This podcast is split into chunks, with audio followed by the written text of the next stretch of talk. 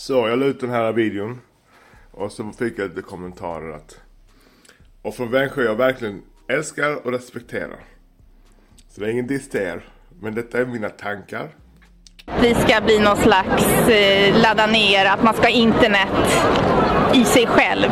Att man blir ett med internet kanske. Jag vet inte, det låter jättekonstigt men det är ju... Att, att vaccinet innehåller något slags chip då, tänker det, du? Ja, men att det kan vara någonting som gör att också man hookar upp på att man blir eh, ett, i nätverket sen i framtiden. Jag vet inte, men jag, jag känner bara själv att jag eh, är, är väldigt skeptisk tills någon kan, tills de kan säga vad det är i de här eh, så tycker jag man ska vuxna.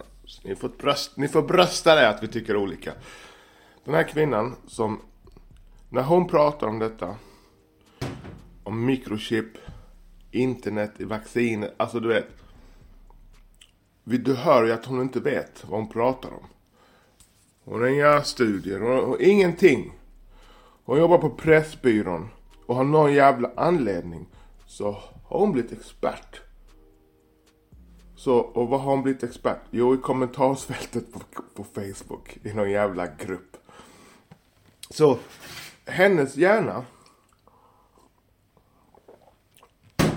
är som en stor, heter det, som ett fotbollsmål utan målvakt. Okej? Det finns ingen målvakt. Så man kan skotta in vilken jävla idé som helst. Så det är helt öppet. Noll kritiskt tänkande. Vi säger, leker med tanken att det är så, så som hon säger. För det finns en chans ju. Det finns en chans att vi redan lever i den metaverse. I, i virtual reality.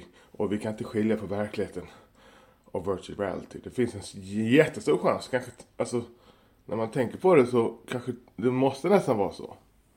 Men jag skulle aldrig gå ut och säga så här är det eller och försöka förklara eller ut och demonstrera. Jag har ingen aning man. Hur fan ska jag veta det? Och bara för att det finns en chans att månlandningen var fake. Så väljer jag. Jag väljer fortfarande att tro på att den var äkta. För livet blir roligare då. Och jag vet inte. Så jag behöver inte gräva, jag behöver inte liksom stålsätta med mina åsikter och säga och ha de här tankarna. Ja, det är dinosaurier i vaccinet. Det är mikrodinosaurier.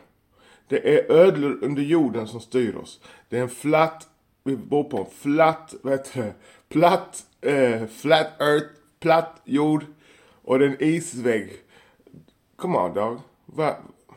Okej. Och, och varför jag inte tror det, det heller. Tror att det är så som hon säger. Det är för att. Tänk hur många människor som ska vara inblandade i den här lögnen. Och vad jag har fått lära mig. Och jag är old school. From the streets. Yeah!